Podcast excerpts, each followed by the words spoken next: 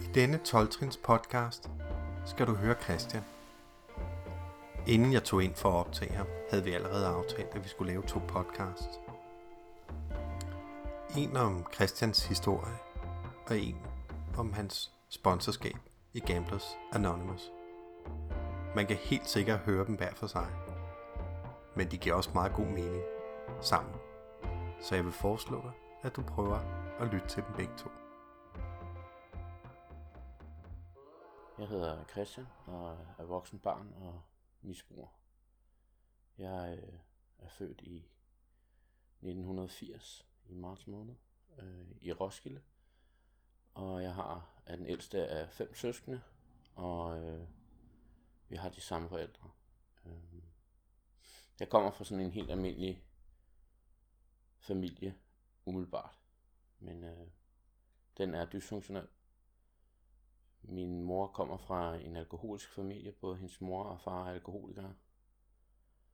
Og min far øh, kommer fra en landbrugsfamilie, hvor man ikke snakkede om følelser, og det vigtigste, det var bare arbejde. Øhm. Mm, ja. Jeg kan huske, øh, at, at jeg fra fra de der 4-5 år altid har haft den der frygt for, hvordan min mor hun havde det. Om hun nu også havde det godt nok. Øh, og altid prøvet at plise hende. Øh, og det, øh, det gjorde jeg på alle mulige måder. Øh, og også fordi, at jeg var også bange for hende, når hun blev vred. Og det gjorde hun indimellem. Øh, den første gang, øh, det sådan virkelig pingede ud, der var jeg ni år. Øh, tidligere der havde det bare været klap i røven, eller en losing, eller, eller lidt rusk. Men øh, jeg kan huske, at jeg sad og legede inde på en værelse, og det lignede et bombelokum. Og hun kommer ind og, øh, og beder mig om at gøre ren i den her svinesti. Og jeg kan huske, at jeg svarer igen. Hun har på det her tidspunkt ligget syg 14 dage, og jeg synes i virkeligheden, hun var mere irriterende, end hun var noget andet. Så jeg synes bare, hun skulle fisse ind i sin seng igen, og det sagde jeg til hende. Og øh, i stedet for bare at, at råbe, eller sige, det der, det gider jeg ikke at finde mig i, så, så klikkede det for hende, øh, og så gennemtæskede hun mig. Øh, og det, øh, det satte præg i mig i hvert fald, at, at fra dag af, der, øh, der fik hun aldrig sandheden helt at vide. Jeg fortalte kun det, som jeg troede, hun kunne klare. Øh, jeg begyndte at lyve, øh, og begyndte at have hemmeligheder. Og jeg begyndte at fordreje virkeligheden lige så stille og roligt, fordi at den virkelighed, jeg var i, det, det, det var ikke til at være i rent følelsesmæssigt. Jeg husker det der kæmpe sorte hul, jeg havde i min mave, øh, og det var, ja, det var forfærdeligt. Så jeg gjorde alt, hvad jeg kunne for at gemme mig. Øh. Og som 10-årig, der, øh, der blev jeg introduceret til, til det, der senere skulle blive, øh, blive, blive det, der også gjorde, at jeg var nødt til at ændre mit liv til sidst. Øh. Min bedstefar, han, øh, som er alkoholiker, han, øh, han lærte mig at spille piratrummy. Øh, og det handlede om, at i stedet for i almindelig romme, hvor man ligger ned undervejs, så fik man syv kort, og man skulle lægge dem alle sammen ned på én gang. Og hvis den, der så sad tilbage og ikke havde fået lagt noget ned, han skulle øh, så øh, han skulle så med, med det antal kort, han skulle så også lægge de antal kort, han kunne lægge ned, og resten af dem, han så sad med på hånden, dem skulle han så betale en 25 for til den anden. Så jeg lærte lige så stille og roligt at spille om penge, øh, der var de der 10 år. Øh, for mig var det mange penge. Øh, nogle gange, der kunne jeg tage ud for min bedsteforældre sådan en weekend, og så have 50 kroner på lommen. Det var altså halvdelen af en, en måneds øh, lommepenge. Så, øh, så det var jo øh, det var fantastisk at være der, derude. Øhm, det var for det første, så, øh, så var de meget sjældent brede. Øh, der var ikke nogen, der råbte af mig, øh, og jeg kunne få lov at, at gøre det, jeg synes var sjovt, og det var at spille kort og skak. Øh, senere hen, så begyndte jeg også at hjælpe dem i deres have, og Øh, det fik jeg også lidt penge for. Men, men jeg kan huske, at det jeg altid så frem til, det var når vi skulle spille kort eller skak. Øh, når vi spillede skak, spillede vi ikke om penge, men når vi spillede kort, så spillede vi næsten altid noget, hvor at det, det handlede om, at der var et eller andet på højkant. Øh, den første gang, jeg otter, der er jeg 14 år. Og, øh, og jeg kan huske, i den periode op til der, der havde min mor, øh, der havde min mor været rigtig, rigtig syg, mens hun var gravid med min lillebror. Og, øh, og da hun var kommet hjem og ligesom havde fået sine kræfter igen, så startede det der helvede med, at når hun flygnede ud, eller opdagede, at jeg løg, så fik jeg tæsk. Øh, så min bedste forældres hjem blev ligesom min safe zone. Øh, min far han arbejdede fuldtid øh, i sit øh, eget firma, og han var sådan set aldrig rigtig hjemme, og når jeg så endelig havde en aftale med ham om, at vi skulle et eller andet, så overholdt han aldrig de her aftaler, og jeg kan huske, at jeg blev simpelthen så vred på ham. Øh, jeg har været vred på ham i mange år for det. Jeg valgte simpelthen, øh, altså i min verden, der havde han ikke rigtig nogen status. Altså, fordi han var ikke hjemme til at tage sig af min mor, Øh, når hun havde det skidt. Og når hun havde det rigtig skidt, så var han der heller ikke til at stoppe hende. Fordi at det var så der, hun som regel fløjnede ud. Øhm, så, øh, så min, min, hos mine bedsteforældre, der, der kunne jeg få lov at, at være mig selv. Eller når jeg sad nede på min værelse og spillede computer. Det var de to steder, hvor at jeg ligesom havde mit frirum. Det var der, hvor at jeg kunne gå ind i min drømmeverden øh, og bare være. Øh. Og man kan sige, at det der med at drømme, det er super sundt et eller andet sted at have drømme. Men at gøre det i den stil, som jeg gjorde, den, øh, det var usundt, fordi at, at virkeligheden, øh, den, øh, den forsvandt lige så stille og roligt. Jeg lavede et, øh, et, et, et glansbillede af, hvordan livet skulle være, og mine løgne brugte jeg til at gøre den her overflade blank, så det så pænt ud.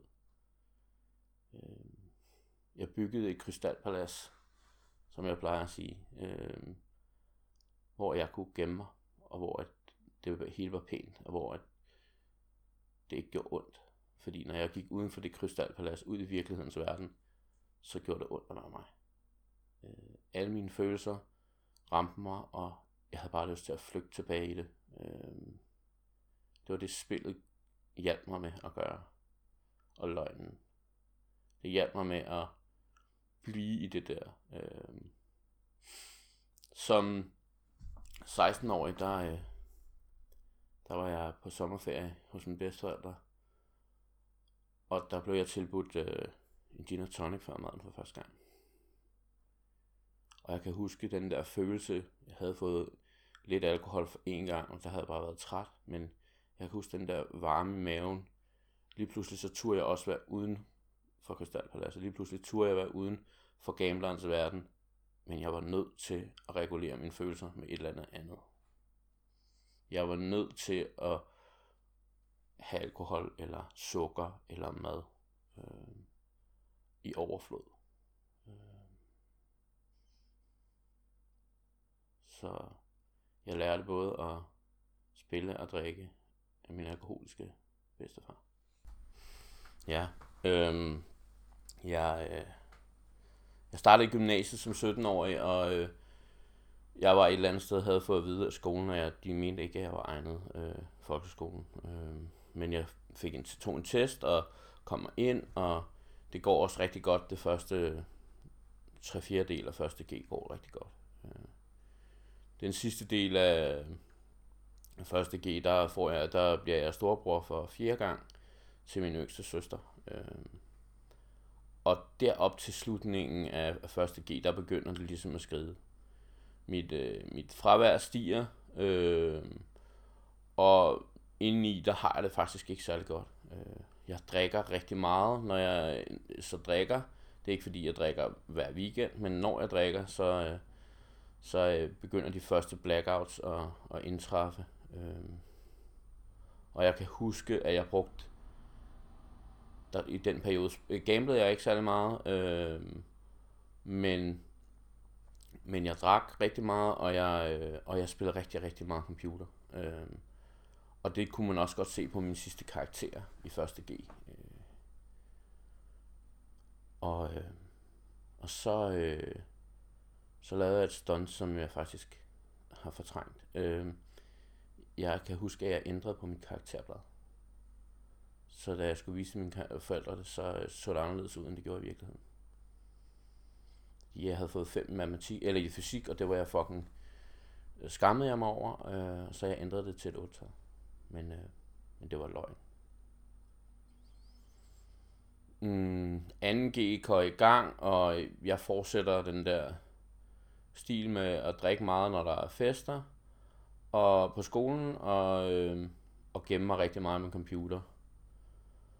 Og det, øh, jeg har det virkelig, virkelig ikke særlig godt. Øh, jeg, løgnene, de øh, flyver ud, altså jeg ændrer hele tiden forklaringer, jeg, øh, så det passer ind i det her glansbillede, i det her krystalslot, som jeg mere og mere trænger mig ind i, og som jeg mere og mere befinder mig i.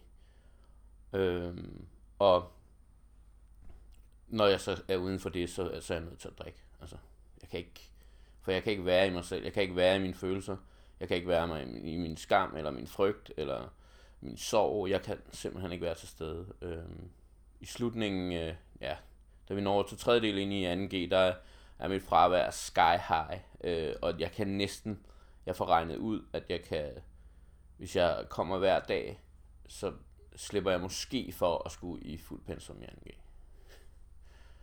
Øh, og det går meget godt, og jeg tager mig virkelig sammen, og det går meget godt et par måneder, og så skal vi skrive en større skriftlig opgave, og så går jeg kold en gang til. Øh, efter vi har været på studietur, hvor jeg har virkelig har fået drukket igennem. Øh, det er så også der omkring, at jeg begynder, et lille halv, halvt års tid før jeg begynder at gå og stjæle fra min mors på. Og en morgen, der, øh, der opdager hun det. Og øh, så, øh, så kommer hun ned på min værelse, og så siger hun til mig, vi skal simpelthen have en samtale om det her.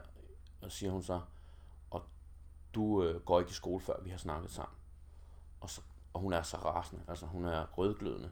På det her tidspunkt, der er jeg 19 år, og hun har ikke slået mig, siden jeg var 16, fordi et, der var jeg ved at slå hende i gulvet, øh, da hun hakkede mig ind. Så, så jeg, øh, jeg, øh, jeg tænker bare, fuck det her, det kan jeg ikke overskue. Så jeg tager, pakker to tasker. Jeg kan ikke overskue det, jeg er bange. For det første er jeg bange for hendes vrede, og jeg er bange for, hvad, hvad der skal ske, jeg ved det ikke. Så jeg tager en taske, mit pas, min bankbog, alt hvad jeg øh, underbukser, pakker øh, en taske, og så hopper jeg ud igennem mit kældervindue og stikker af. Øh. Og så øh, tomler jeg til Paris i 12 dage, tager det mig. Øh, det er rigtig, rigtig hårdt. Øh, fordi at jeg er pisse bange undervejs, og jeg går rigtig, rigtig mange kilometer. Øh, jeg har babler på over det hele. Øh, da jeg sætter mig efter de, da, jeg, da jeg ankommer til Paris efter de der 12 dage på vej på farten. Øh, der er ikke nogen, der ved, hvor jeg er henne. Øh, da jeg ankommer til Paris, der har jeg stort set heller ikke nogen penge tilbage. Jeg har lige penge tilbage. Jeg har havde noget at hæve, veksle en lille smule frank. Så jeg har lidt, øh, og det lever jeg for de første to dage. Øh, tre dage. Men jeg bor stadig på gaden. Øh, jeg bor i parker, jeg sover i parker og på bænke og i buskager rundt omkring i parkerne. Øh, på et tidspunkt en aften, der, øh, jeg tror det er 4. eller 5. dagen, der kommer der en, en mand hen og spørger, om jeg ikke vil med hjem her. Og så hos ham. Øh, og jeg tænker, at det kunne være rart at bare sove blødt for en gang skyld. Og det gør jeg så. Øh, og jeg vågner ved, at han ligger ovenpå mig. Og truer mig med et knogjern, hvis jeg ikke gør, som han siger. Øh, jeg blev voldtaget. Og jeg kan huske, at de efterfølgende dage, der gemte jeg mig, og jeg var så bange. Øhm, og jeg troede et eller andet sted, at jeg skulle dø. Og aldrig se min familie igen. Og jeg begyndte også at savne dem rigtig, rigtig meget. Øhm, og jeg havde sådan sad, siddet og tækket en, øh, jeg sad og tækket en, en dag ved siden af en, en anden tækker, og lige så stille og roligt, så fik jeg faktisk lidt mad. Øh, og lidt penge til at købe noget mad for. Og det gjorde jeg et par dage, og det gjorde så, at jeg egentlig havde lidt energi lige pludselig til at forlade den her park nede ved, bag ved Eiffeltårnet. Øh, og så tog jeg op, øh, gik jeg op, prøvede at gå op ad Champs-Élysées. Og midt på Champs-Élysées, der står der to par og snakker dansk til hinanden. Og jeg, øh, jeg bryder ind. Og så øh, ligesom at jeg siger noget, så kigger hende den ene på mig, og så siger hun, jamen, jamen du er jo efterlyst. Øh, og så tager de mig med op på den danske ambassade, og jeg får ringet til mine forældre. Til mine forældre. Og jeg får ringet til mine forældre, og jeg kan, jeg kan mærke, at øh, ja, lige nu, der, der rører det mig rigtig meget, fordi det er rigtig lang tid siden, jeg har tænkt over det her. Det gjorde det var en afsindig lettelse at snakke med min mor. Øh, og de kom også ned og hentede mig, øh, både hende og min far og min yngste søster, i Paris efter 22 dage efterlyst i Danmark. Øh, og det var en befrielse at komme hjem. Men jeg havde ligesom en hemmelighed med mig hjem, som jeg ikke fortalte nogen. Heller ikke den psykolog, jeg startede hos, da jeg kom hjem. Der var ikke nogen, der fik at vide, at jeg var blevet voldtaget. Øh, og det jeg så begyndte på, da jeg kom hjem, det var, at jeg begyndte at opsøge mænd på det samme alder som ham i Paris eller ældre, og så lod jeg mig seksuelt misbrug. Øh. Jeg forstod ikke, hvorfor. Det fik jeg at vide senere hos en psykolog. Hvorfor jeg, at jeg blev ved med at gøre det. Øhm, da jeg kom hjem, der steg mit alkoholforbrug igen. Voldsomt. Øh, jeg startede lære, jeg stoppede på, øh, på gymnasiet og startede lære som kok. Og der var det let at få alkohol. Øh, jeg havde lige en kort periode, altså når jeg ikke i de perioder, hvor jeg virkelig prøvede at lade være med at drikke, fordi jeg godt vidste, at, at det var usundt for mig, og jeg havde de der fucking blackouts og de der lede tømmermænd, så gamblede jeg. Og det var, det var ligesom, altså gambling og computeren, det var safe zones. Der var ikke nogen, der kunne røre mig der. Der var ikke nogen, der var ikke, jeg kunne, havde ingen følelser der. Det var der, der altid var stille. Der var altid et eller andet forbundet øh, med, med, den, med, med de fysiske tømmermænd i forhold til alkoholen og sexen. Der var altid et eller andet, der gjorde naller dagen efter. Det eneste gang, det gør ondt for mig, når det eneste, der gør ondt for mig som ludoman, det er, når jeg bliver afsløret i, at jeg har brugt alle pengene. Men der er rigtig langt derhen. Fra jeg starter med at gamble til, at det bliver afsløret, at jeg gør det. Der er rigtig langt. Det vil sige, at jeg glemmer det også rigtig hurtigt, når jeg først er i gang med at spille. Det gjorde kraftet ikke med alkoholen. Den var, der var instant payback. Altså. Og på sexen, der kom der i den grad instant payback. Øhm, jeg fik konstateret HIV som 25-årig. Fordi at jeg har dyrket rigtig meget usikker sex med rigtig, rigtig mange mænd. Øh. Og det gjorde også, at, at skammen øh, i forbindelse med sex blev ikke mindre. En ting var, at jeg var blevet voldtaget, og aldrig havde fortalt det til nogen. En anden ting var, at en anden ting var, at øh, var, at det bare byggede ovenpå. Det byggede bare ovenpå, ovenpå, ovenpå, ovenpå, ovenpå. Øh. Ja. Når jeg tænker tilbage, så vil jeg have lyst til at kaste op. Så jeg har nogle gange gået hjem fra byen med blodet sile ned af min inderlår. Og bagefter tænkt, at øh, det fortjente jeg nok. Det var der nok en mening med. Det er bare ikke normalt. Det er simpelthen ikke normalt.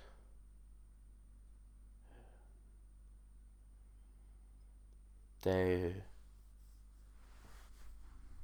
tiden går, og da jeg sådan, øh, da jeg er de der 30 år, der, der det der med tømmermændene, det, det er sådan virkelig belastende, så jeg får virkelig, jeg får lade være med, jeg lader være med at drikke, og hvad er det så, jeg gør, når jeg ikke drikker og går i byen? Så katapulterer jeg mit lunomani og det her krystalpalads i en grad, så det slet ikke, altså, jeg flyttede ind, og jeg boede der. Jeg boede i min computer, fra jeg var 30 til jeg var, 3, øh, til jeg var 33. Der boede jeg i min computer, og i, i mit arbejde, men i den grad i gameplaying. Øh, jeg spillede poker, jeg oddsede. Øh, til sidst, allersidst, der spillede jeg også på maskiner øh, og roulette. Altså jeg spillede på alt. Øh, og det blev, mine forældre prøvede at bale mig ud et utal af gange, indtil at, da jeg var 32, sagde nu, nu er det nok. Øh, nu, nu kan vi ikke mere, nu vil vi ikke mere. Øh, på det her tidspunkt, der har jeg også fået en kæreste. Og, øh, og hun er det første menneske, jeg sådan ærligt fortæller om, hvad der skete i Paris. Og, øh, og så siger hun til mig, det der Christian, det, øh, det, er, ikke, det er ikke almindelig sex. Det er voldtægt. Øhm, og det viser lidt om den der historie og de der løgne, jeg har spundet, for ikke at mærke det, jeg mærker lige nu. Den skam og den sorg, der er forbundet med at blive voldtaget, den åd mig op. Og lige pludselig så stod den i lys lue. Og den eneste måde, jeg havde lært at dule med det på, det var ved at gamble. Så jeg gamblede, og jeg gamblede, og jeg gamblede, og jeg gamblede. Jeg gamblede øh, det sidste år, gamblede jeg en kvart million op. Ikke engang det sidste år, det sidste halve år gamblede jeg en kvart million op. Og jeg stjal, og jeg lånte, og jeg stjal. Øh, og den, den 13. juli 2013, der, øh, der opdagede min kæreste, at jeg har spillet hele hendes husleje op. Og øh, så prøvede jeg at tage mit eget liv. Jeg skrev en besked til hende, at Krystalpaladset det var smadret, og jeg kunne ikke mere. Øh, og hun var meget undskyld, at det havde været sådan en stor idiot. Og så, øh, så gik jeg ud for at prøve at tage mit eget liv. Det kunne jeg så heldigvis ikke finde ud af. Der var et eller andet den dag, der holdt hånden over. Det var ikke fordi jeg ikke prøvede, fordi det gjorde jeg. Men hver gang, at jeg var lige ved, og det måske lige var ved at lykkes, så var der et eller andet, der fik mig til at stoppe. Så den 14. juli om morgenen, øh, som er min første spilfri dag, der øh, låste min far sig ind i min lejlighed. Og fandt mig og spurgte, øh, hvad jeg havde brug for, og jeg sagde, at jeg havde brug for, at han kørte mig på psykiatrisk øh, skadestue i Roskilde, og det gjorde han. Ja, øh, på skadestuen, der, øh, der får jeg noget sovemedicin, og jeg bliver lagt til at sove, og jeg sover øh, i, i fem timer, øh, og så kommer sygeplejersken ind, øh, og jeg er lige vågnet, og så siger hun, øh, hvad har du brug for? Øh, jamen, jeg havde bare brug for noget mad, og jeg får lidt mad, og så, øh, og så, så siger hun, øh, kunne du ikke øh, tænke dig at komme få noget behandling for det der ludomani, fordi det kan vi ligesom ikke hjælpe dig med. Og øhm, det, øh, det siger jeg så ja til. Øh, så jeg får en computer, og hun får mit øh, nem idé, så jeg kan bruge det til noget. øh, og så, øh, så går jeg ind og finder en, en, øh, en ludomanibehandling øh, øh, hos et øh, misbrugscenter, og, øh, og starter, øh, hvor jeg ringer op og får aftalt en, en tid til en samtale. Øh, og der, øh, der får jeg tid allerede efter tre, ja, fire dage efter, øh, har jeg tid der. Øh, så der tager jeg med min far øh, øh, derind og, øh, og får den der samtale, og han spørger øh, på de her, stiller de her spørgsmål, øh, som man også gør i 12 øh, og hvor mange af dem jeg kan svare et ja til i forhold til GA, og jeg bonger stort set ud på det hele. Øh, og så spørger han også, om jeg har alkoholproblemer, og det siger jeg nej til. øh, og øh, så spørger han, om jeg er sexafhængig, og den kan jeg, kan jeg godt mærke, den har jeg lyst til at krybe udenom, men, det, men der er også bare en eller anden del af mig, der har sådan, nej, nu skal det fandme være nok. Øh, og så siger jeg ja. Øh, og jeg bonger så også ud på den. Øh, ret kraftigt. Øh, så jeg, øh, jeg kommer i en multibehandling, og aftenbehandling, fordi jeg på det her tidspunkt stadig har et job i en kantine, øh, jeg skal passe. Øh, men jeg finder ret hurtigt ud af, og jeg er sygemeldt fra den her job, men jeg finder ret hurtigt ud af, at jeg skal ikke det her mere. Øh, der er simpelthen, øh, som kok, er der simpelthen for mange, der bliver snakket for meget om spil i, i kantinen, altså i kantinekøkkenet, og der er en, øh, altså, øh, altid øl om fredagen, og det er bare ikke en, øh, en god kombi, øh, kan jeg mærke på det her tidspunkt. Og jeg skriver ligesom under på i den her misbrugsbehandling, at jeg ikke har tænkt mig at bruge noget stemningsændrende de næste 10 måneder. Altså, det vil sige, jeg, kan, øh, jeg skriver også under på, at jeg ikke vil drikke og, eller ryge, eller man kan sige, jeg har aldrig røget, men, men jeg skriver under på det, så jeg har det også sådan, det er et rigtig dårligt sted at være for sådan en som mig. Øh, og øh, det har altid været sindssygt stressende. Så jeg, øh, jeg starter faktisk HF allerede en måned efter, jeg prøvede at tage mit eget liv. Der øh, starter jeg på VUC videre, eller videre, eller øh, Amager, og, øh, og begynder faktisk at gå der. Og, øh, og det, er jo, det er jo super vildt, fordi jeg havde det sådan, da, da jeg starter der, at jeg skal jo bare bestå det, og så skal jeg passe min, min, øh, min spilfrihed, og min, øh, jeg skal passe de her 12 fællesskaber, jeg går i. Øh. Og den her behandling er rigtig, rigtig god for mig, fordi for første gang, så lykkedes det mig, altså jeg har altid sat min mor op på en pedestal, men for første gang lykkedes det mig i virkeligheden og hive hende ned fra den der pedestal, og men så kommer også alt den vrede, som jeg aldrig har lukket ud. Alle de her gange, mine grænser er blevet overskrevet, hvor jeg ikke har sagt fra. Det dukker bare op. Ikke? Altså, det bliver, jeg kan huske, jeg var så vred. Øh, og det, øh, det har jeg været i mange år. Hvad fandt jeg lige pludselig ud af. Øh, men jeg har altid været god til at skjule. Jeg har skjult det bag de polerede, polerede over, øh, overflader og bag løgnene. Øh, fordi det er det, en gambler gør i GA, der finder jeg lige pludselig nogen, der har det ligesom mig. Der finder jeg nogen, der forstår, hvad det vil sige, og ikke at kunne kontrollere det og spille. Der er genkendelse, der er instant genkendelse. Jeg kan huske til det første møde, der havde min behandler sagt til mig, inden at jeg gik til det her møde, der har hun sagt til mig, det vigtigste er, at du bare siger, at du hedder Christian, og du låner mig. Og det jeg siger, det er, at jeg hedder Christian Roman, og så væltede det ud af mig. Det væltede ud af mig. Øh, og tårerne trillede.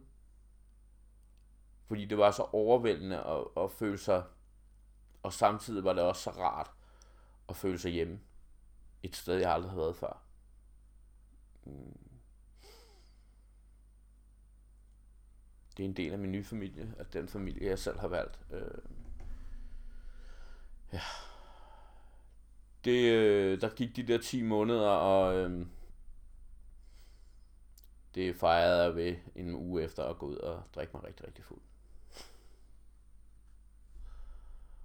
Øh, og så begynder, øh, kan man sige, så øh, går der, så har jeg den her, så det går rigtig godt i skolen. Altså jeg opdager lige pludselig, at jeg kan rigtig mange ting. Og jeg er faktisk rigtig, rigtig dygtig. Øh, det første år, der har, slutter jeg med to 12 et tre 12 og et 4-tal. Øhm. Og det, øh, det er sådan, det er ikke lige standard for mig øh, på det her tidspunkt øh, at, at tænke, at jeg kunne det, men øh, da jeg opdagede, at det kunne jeg godt, så blev der også brugt rigtig meget energi. Brugte jeg også rigtig meget energi på det. Så jeg går på sommerferie, jeg er stolt og glad og lykkelig, og vi skal med mine forældre og mig og min kæreste, hun gik ikke fra mig. Øh, vi, øh, vi skal med mine forældre på ferie øh, til Frankrig, og øh, jeg begynder at drikke rigtig meget dernede. Og det bliver kommenteret på det. Min mor kommenterer på det, min kæreste kommenterer på det. Den eneste, der vil egentlig ikke kommentere så meget på det, det er min far. Han prøver bare at holde sin mund øh, og blande sig udenom. Øh, hvor vi kommer hjem, og min kæreste, hun starter i noget, i noget job, og hun er ude af døren klokken, klokken 9, øh, og klokken halv 10 sidder jeg med det første glas rosé i hånden. Og, og det stod på øh, en lille halvanden måneds tid. Helt til en uge før jeg skal starte i skole igen. Øh, så går jeg ind til et åben AA-møde øh, ude på i Sjællandsgade, og fordi at, at jeg skal, jeg, der er så lidt program i GA på det her tidspunkt, og jeg sidder i en trin workshop, og jeg har bare brug for noget mere. Jeg sidder i mit første fjerde trin, og det gør rigtig, rigtig ondt. Øhm. Og det er det, jeg hører. Jeg starter med at projicere mig væk fra ham her, der sidder i en. Og så sidder og sammenligner med, hvem i min omgangskreds, jeg som har det ligesom ham sådan i små brudstykker, og lige pludselig så kan jeg se, at det hele det er bare mig. Det her, det er, det er kun mig. Han sidder og fortæller min historie. Og så tænker jeg, okay, så er fucking også alkoholiker. Så den 17. august min første etro dag. Og derfra, der, øh, der begynder det at gå lidt stærkt. Øh, jeg, øh, jeg har stadig den her trin workshop, men den, den går ligesom ned midt i, i femte trin, i starten af femte trin. Øh, vi skal aflægge alt det her, øh, og det er noget rigtig lort. Øh, fordi de to andre springer fra, og jeg, øh, og jeg havde, havde brug for det her. Men øh, fordi at nu begynder konsekvenserne af min, af min seksuelle og den følelsesmæssige konsekvenser at det er blevet voldtaget, og mit, mit, den sex, jeg har haft før, jeg, også mens jeg har været sammen med Nikita. Det starter her. Og, øhm, og det går svine stærkt. Øhm, jeg starter hos en psykolog i, i, i starten af november, fordi at jeg har faktisk rigtig svært ved at være, passe min skole, og rigtig svært ved at være mig. Øhm, hun er voksen barnterapeut og har arbejdet med voksne børn og alkoholikere øhm, hele, hele, de sidste 10-15 år. Og jeg, øh, og hun er også traumaterapeut. Og hun dykker ned i det her udviklingstraume og begynder lige så stille og roligt at forklare og fortælle mig, hvad det er, der er sket. Øhm, og, og med tiden, der fandt jeg, fortalte hun mig også, at grunden til, at, at jeg havde haft brug for at gentage oplevelsen fra Frankrig, var, at det var et forsøg på at bekæmpe den. Bekæmpe ham, der havde gjort mig fortræd. Øh, og det var en helt naturlig reaktionsmønster for, for, for mennesker at prøve det, når de var, havde været udsat for noget traumatisk. Ja det, øh, det hun, hun hjalp mig med, det var i virkeligheden at rive mig ud af den tilstand, som jeg stadig et eller andet sted havde i min krop, efter at være blevet voldtaget. Og, øh, og det var en, en oplevelse, der gjorde, og på mange måder et eller andet sted satte mig fri til at gøre det, jeg var nødt til at gøre.